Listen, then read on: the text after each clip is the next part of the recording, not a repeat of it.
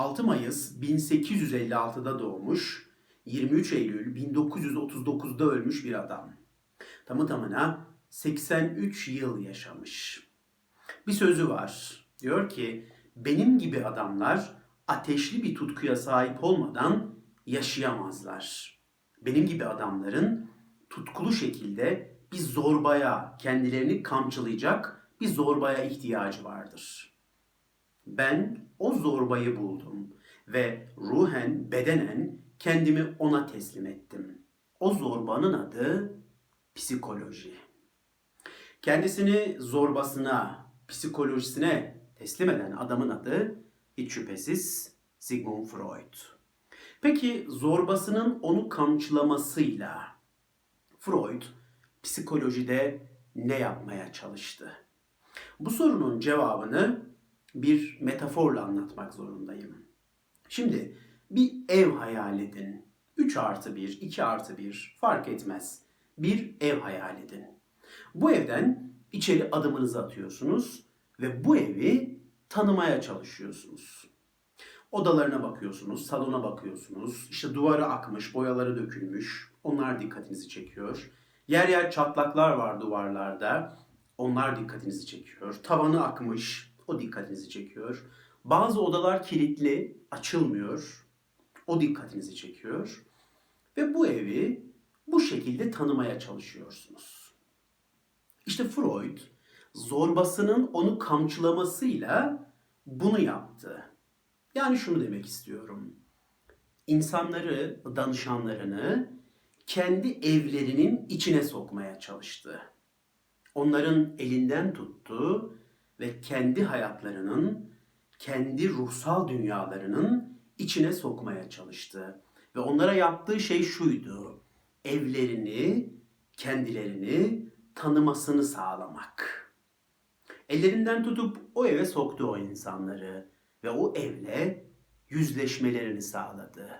İnsanlar kendi ruhlarına, kendi dünyalarına, kendi hayatlarına girdiklerinde işte o evdeki gibi bazı çatlaklarla karşılaştılar. Gözlerini kaçırmaya çalıştılar ama Freud ısrarla o çatlağı gösterdi. Oraya bak dedi. Oraya bak. Akan tavanları gösterdi onlara. Ve de en önemlisi kitli odaları. Freud danışanlarından o kitli odaları açmalarını istedi. Açmadılar. Girenç gösterdiler. Hayır dediler. O kapıyı açmayacağım. Ama Freud ısrarla o kapıyı açmaları için zorladı. Ve o kapıların açılmasıyla birçok sır da ortaya çıkmış oldu. Ve tüm bunları yaparak aslında yaptığı şey insanların kendi evlerini kabul etmelerini sağlamaktı. Çatlamış duvarları, kırık dökük tarafları, akan tavanlarıyla beraber o evi kabul etmelerini istiyordu her şeye rağmen. Tabi bunu yaparken danışanlarının elinden tutmuş onları kendi evlerinin içine sokmaya çalışırken öte yandan Freud çok daha önemli bir şey yapıyordu. Ne yapıyordu biliyor musunuz? O da bir yandan kendi evini geziyordu. Kendi evinin içindeydi ve kendini tanımaya çalışıyordu. Evindeki çatlakları görmeye ve onlarla yüzleşmeye çalışıyordu. Bu sebeple bir numaralı hastam, en önemli hastam dediği kişi kendisiydi. En önemli hastam olan kendimle meşgul oldum hayatım boyunca gibi bir cümle kurmuştu. Peki dünyada psikolojiye yön vermiş bu efsanevi adamın adamın evi nasıl bir evdi? Hadi gelin hep beraber o eve bir göz atalım. Bu evin ne tür özellikleri var birlikte bakalım. Elbette bu videoda, bu kısa videoda Freud'u anlatmaya dakikalar süreler yetmez. Freud derya deniz olduğu için burada bu kısa videoya sıkıştıramayız elbette onu. Ama ben sadece kısa da olsa Freud'un bazı takıntılarından bahsetmek istiyorum. Bazı psikolojik rahatsızlıklarından bahsetmek istiyorum. hayatı boyunca yaşadığı bazı problemlerden bahsetmek istiyorum. Yani bir nevi size Freud'un evinin duvarlarındaki bazı çatlakları göstereceğim. Hayatı boyunca sıkıntılar yaşadı bu adam. Ciddi anlamda psikolojik ve de psikosomatik rahatsızlıkları vardı. O yüzden evinin birçok yeri çatlaklarla doludur desek yeridir. Çok ciddi takıntıları var Freud'un. Bakın sizi 7-8 yaşlarına götüreyim önce. 7-8 yaşlarındayken Freud anne babasının yatak odasına giriyor ve girer girmez de babasının hiddetiyle karşılaşıyor. Babası çok ciddi anlamda öfkeleniyor. Freud'a kızıyor ve senden bir adam olmaz diyerek Freud'u hızlıca odadan kovuyor. Bu cümle Freud'un korteksine kazınmış. Senden bir adam olmaz. Senden bir şey olmaz. Hayatının ilerleyen yıllarında bu cümleyi hatırlıyor Freud. Kulağında bu cümle çınlıyor ve bu cümleyi duyduğunda ciddi anlamda rahatsızlık yaşıyor. Kendine dair ciddi ciddi değersizlik duyguları yaşıyor. Ve bu çınlayan sesi susturabilmek için bir takıntı geliştirmiş. Ne yapıyor biliyor musunuz? Kendi kendine başarılarını sayıyor. Adeta senden bir şey olmaz diyen o sesi kendi başarılarını kendi kendine anlatarak benden bak bir şey oldu diyerek o sesi susturmaya çalışıyor. Böyle bir takıntısı olmuş hayatının bir döneminde. Bu sesi hatırladığında yaşadığı yoğun değersizlik duyguları ve kendi kendine geliştirdiği bir takıntı. Takıntının adı kendi kendine başarılarını sayma. Bu öyle bir şeye dönüşmüş ki Freud'un hayatında başarılı olma ile ilgili ciddi kompleksleri var. Çok başarılı olmak istiyor. Ciddi anlamda da başarılı birisi bu arada. 9-10 yaşlarında biz Shakespeare'i okumaya başladığını biliyoruz. Okul hayatı başarılarla dolu. Birçok dili çok iyi derecelerde, çeviri yapacak derecelerde biliyor. Çok okuyor, çok yazıyor zaten. Çok da başarılı birisi. Ama bu başarılı olma tutkusu yer yer onda ciddi şekilde bazı psikolojik rahatsızlıkların ortaya çıkmasına neden olmuş. Tıp fakültesini bitirdikten sonra çok yalpalamış Freud. Ne yapacağını tam olarak bilmiyor. Daha o zorbayı, o psikolojiyi keşfetmemiş. Farklı alanlarda kendini ispatlamaya çalışıyor ama bir türlü umduğunu bulamıyor. O zorbayı, o psikolojiyi keşfettiğinde ve psikolojide ilerlemek istediğine, istediğini anladığında ve bu alanda çalışmalar yapmaya başladığında da bazı fikirleri yaşadığı şehrin bilim adamları tarafından reddediliyor. Freud adeta bir peri masalı uyduruyor deniyor. Dalga geçiyorlar resmen Freud'la. Ve bu dalga geçmeyle beraber, bu dışlanmayla beraber Freud ciddi anlamda bir yalıtılmışlık yaşıyor. Yalnızlık yaşıyor. Terk edilmişlik duyguları yaşıyor. Tam bu dönemlerde başarılı olamayacağı ile ilgili korkular geliştirmiş. Yüksek oranda değersizlik duyguları, kendisini ispatlayamayacağı ile ilgili korkular ciddi anlamda etrafını sarmış Freud'un. Hatta bu dönemde arkadaşı Files'e yazdığı bir mektup var. Şöyle söylüyor. Son 14, ömrümün son 14 ayında sadece 3-4 gün mutlu gün geçirdim. Cümleye bakar mısınız? Ömrümün son 14 ayında sadece 3-4 günüm mutlu geçti diyor. Bahsettiğimiz kişi dünyanın en ünlü ruh hekimi, psikiyatır, psikanalist Sigmund Freud. Ve hayatımın 14 ayının, son 14 ayının 3-4 günü mutlu geçti diyor. Üzerinde düşünülesi bir cümle bence. Bu yoğun duygula, duyguları yaşadığı dönemde ciddi anlamda gelgitler de var. Kendi içinde iki farklı Freud olduğunu keşfediyor. Çok ciddi gelgitler yaşıyor. Sevdiği ve yaşadığı Viyana'yı hem seviyor hem nefret ediyor. Evliliğin önemli olduğuna inanıyor. Aile hayatının önemli bir şey olduğuna inanıyor. Ama yer yer mektuplarında evlilikten artık bıktığını, evliliğin kendisini çok sıktığını anlatıyor. Psikolojiyi bırakmayı bile düşünmüş terk etmek istemiş Viyana'yı, her şeyi bırakmayı düşünmüş. İçinde adeta iki farklı Freud var. Sevgili dostlar, insanın içinde iki farklı insanı duyumsaması durumu birçok insan için geçerlidir. Carl Gustav Jung da böyle bir şey yaşamıştır. Hatta o isim bile koyuyor. Diyor ki No 1 Jung ve de No 2 Jung. İçimde iki tane insan vardı. Birinin adını No 1 Jung koydum, birinin adını da No 2 Jung. Bazen bunun istedikleri oluyor, bazen bunun istedikleri oluyordu diyor. Tolstoy da hayatı boyunca belki bu gelgitleri ve bu iki Tolstoy'u yaşadı. Ki hayatının sonuna doğru o iki Tolstoy'dan birinin sözünü dinliyor ve evden kaçıyor Tolstoy.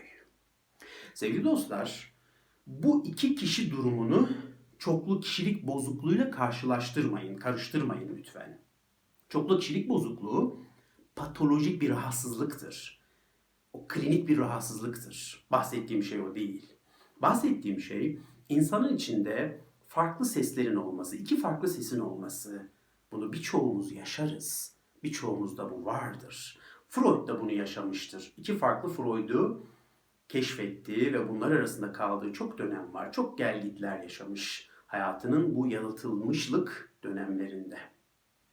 Öte yandan Freud'un yaşadığı bir başka takıntı daha var.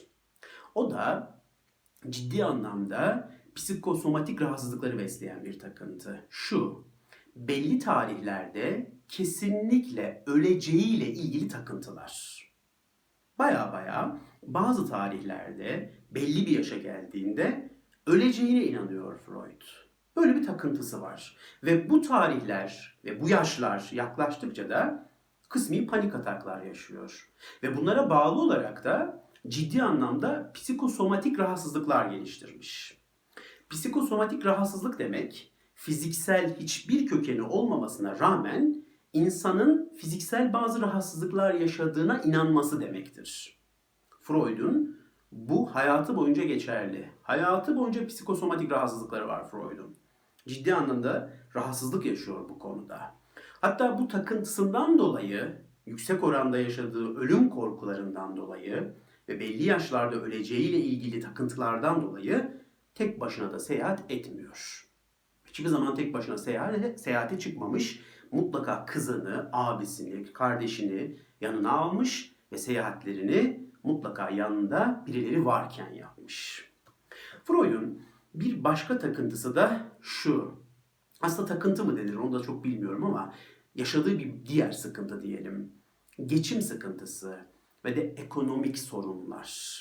Hatta bu sebeple ki nişanlılığını 4-5 yıl uzatmış ekonomik sıkıntılardan dolayı evlenememiş. 4-5 yıl nişanlılık dönemi yaşıyor. Ve hayatının birçok döneminde geçimle ilgili kaygıları var. Ekonomisini sağlama, geçimini sağlama almak istiyor. Çünkü çocukluğunda çok ciddi anlamda ekonomik sıkıntılar çekmişler.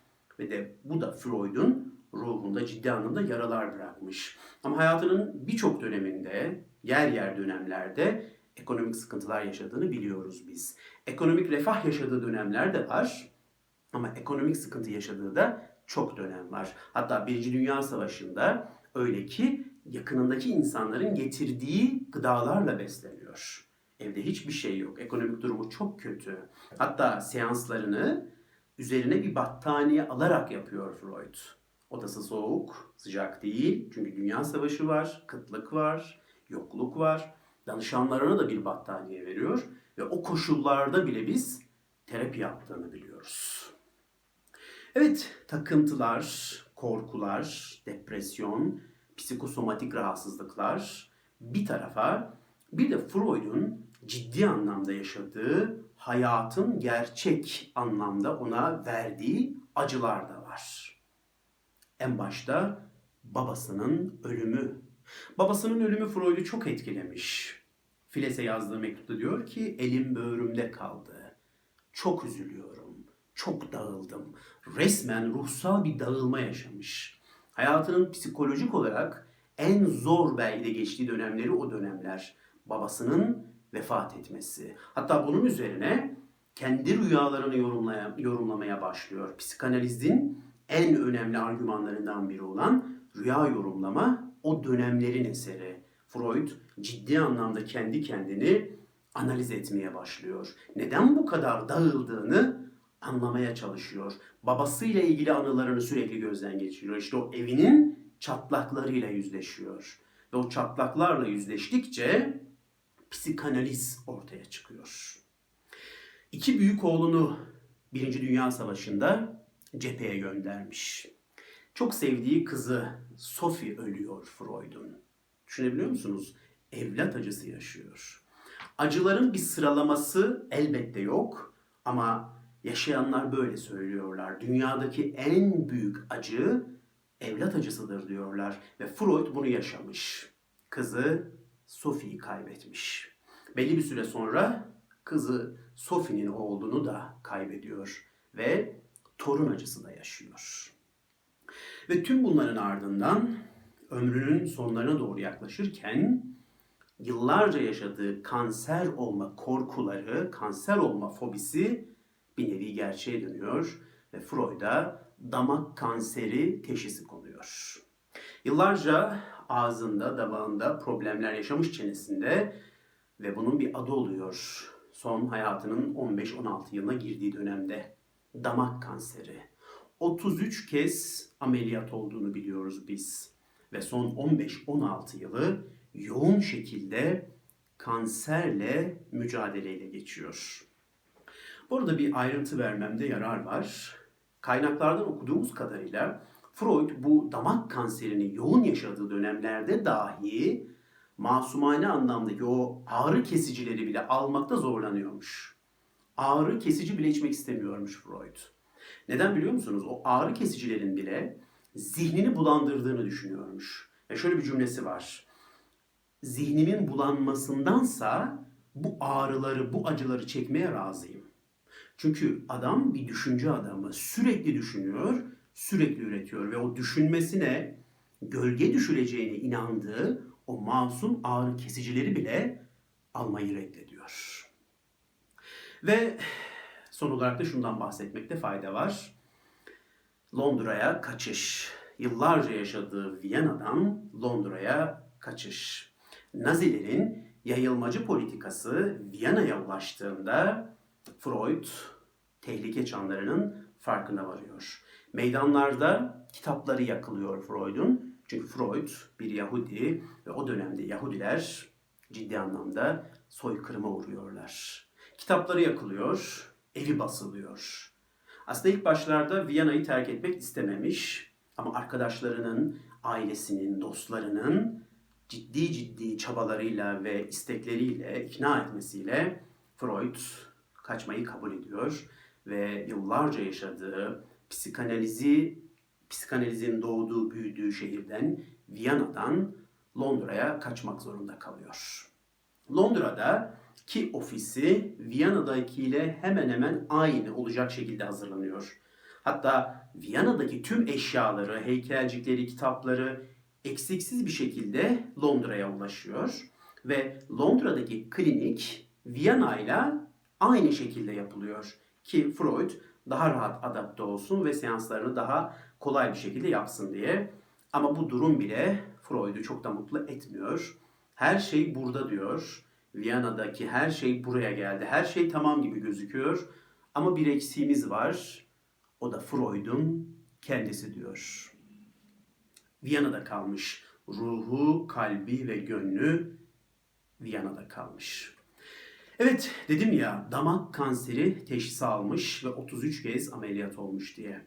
Ağrılar çok inanılmaz şekilde ona acılar yaşatıyor ama 15-16 yıl direnmeyi sürdürmüş. 33 ameliyat her seferinde kanser hücrelerinin tekrar etmesiyle yenilenmiş. Ama Freud 15-16 yıl sabırla çalışmaya devam etmiş. O acılara rağmen üretmeyi sürdürmüş. Ama ta ki 83 yaşında Eylül ayına kadar. Eylül ayında 1939 yılının Eylül ayında ağrılar artık dayanılmaz bir boyuta ulaşıyor. Takvimler 23 Eylül 1939'u gösterirken özel doktorunu yanına çağırıyor ve bana bir söz vermiştin hatırlıyor musun diyor. Ağrılar, acılar dayanılmaz olduğunda ölmem için bana yardım edecektin.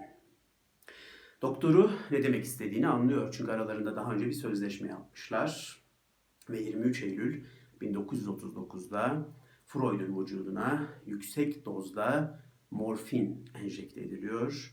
Ve Freud 83 yaşında hayata gözlerini yumuyor.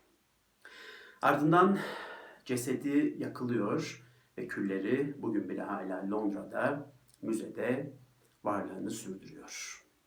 Evet, takıntılar, fobiler, değersizlik duyguları, psikosomatik rahatsızlıklar, panik ataklar, evlat acısı, torun acısı, kanser, zorunlu göç eşittir insan, eşittir Sigmund Freud. Freud insana ait acıların hiçbirinden muaf değildi. İnsana ait acıların tamamını, birçoğunu o da yaşadı. Evinin duvarları çatlaklarla doluydu. Kırık dökük bir eve sahipti Freud. Ama bu evi sahiplendi. Eviyle yüzleşti. Evinin duvarlarındaki çatlakları kabul etti. Tüm sıkıntılarına, tüm fiziksel ve de ps- psikolojik sorunlarına cesaretle göğüs germeyi bildi. E ne yaptı biliyor musunuz? Ömrü boyunca çalışmayı bırakmadı. Çocuklarını cepheye gönderdiğinde bile çalışıyordu. Soğuk günlerde üzerine battaniye alıyor, terapilerini yapmayı sürdürüyordu. Damak kanseri dayanılmaz noktalara geldiğinde bile terapi yapmayı ve düşünmeyi sürdürüyordu. Freud insana ait tüm halleri yaşadı. Dedim ya evinin duvarları çatlaklarla doluydu. Ama o bu çatlaklardan beslenmeyi bildi. Evinin duvarındaki çatlaklardan ışık sızdı içeri ve bu ışıktan psikanaliz doğdu. Bugün psikanaliz varsa, bugün psikoloji çok ciddi seviyelere ulaşmışsa bunda hiç şüphesiz Freud etkilidir. Ve Freud'un evinin duvarlarındaki çatlaklar. Freud psikolojik rahatsızlıklarından, fiziksel rahatsızlıklarından beslenmeyi bildi. Kendi kişiliğindeki o farklılıkları keşfetmeye çalıştı, kendini çözmeye çalıştı. Ve o çatlaklarla yüzleştikçe, onları kabul ettikçe o çatlaklardan içeri ışık sızdı ve psikanaliz doğdu. Evet, Freud'un evinden ve evinin içindeki çatlaklardan kısaca bu şekilde bahsetmeye çalıştım. Şimdi gelelim esas soruya. Bizler evimizin ve ruhumuzun içine girmeye cesaretli miyiz? Evimizin içerisine adım attık mı? Hadi diyelim attık. Peki evimizin içindeki eksikliklerle yüzleşebiliyor muyuz? Duvarlarımızdaki çatlaklara cesaretle bakabiliyor muyuz? Onları kabul edebiliyor muyuz? Aslında esas soru şu, bir adım öteye gidelim. Bu çatlakları kabul ettik diyelim. Esas soru şu, bu çatlaklar içeriye ışık sızdırıyor mu? Bu çatlaklardan beslenmeyi biliyor muyuz? Bu çatlaklardan sızan ışıkla güçlenmeyi ve dimdik ayakta durmayı başarabiliyor muyuz? Esas sorulması gereken soru bu. Dinlediğiniz için teşekkür ederim.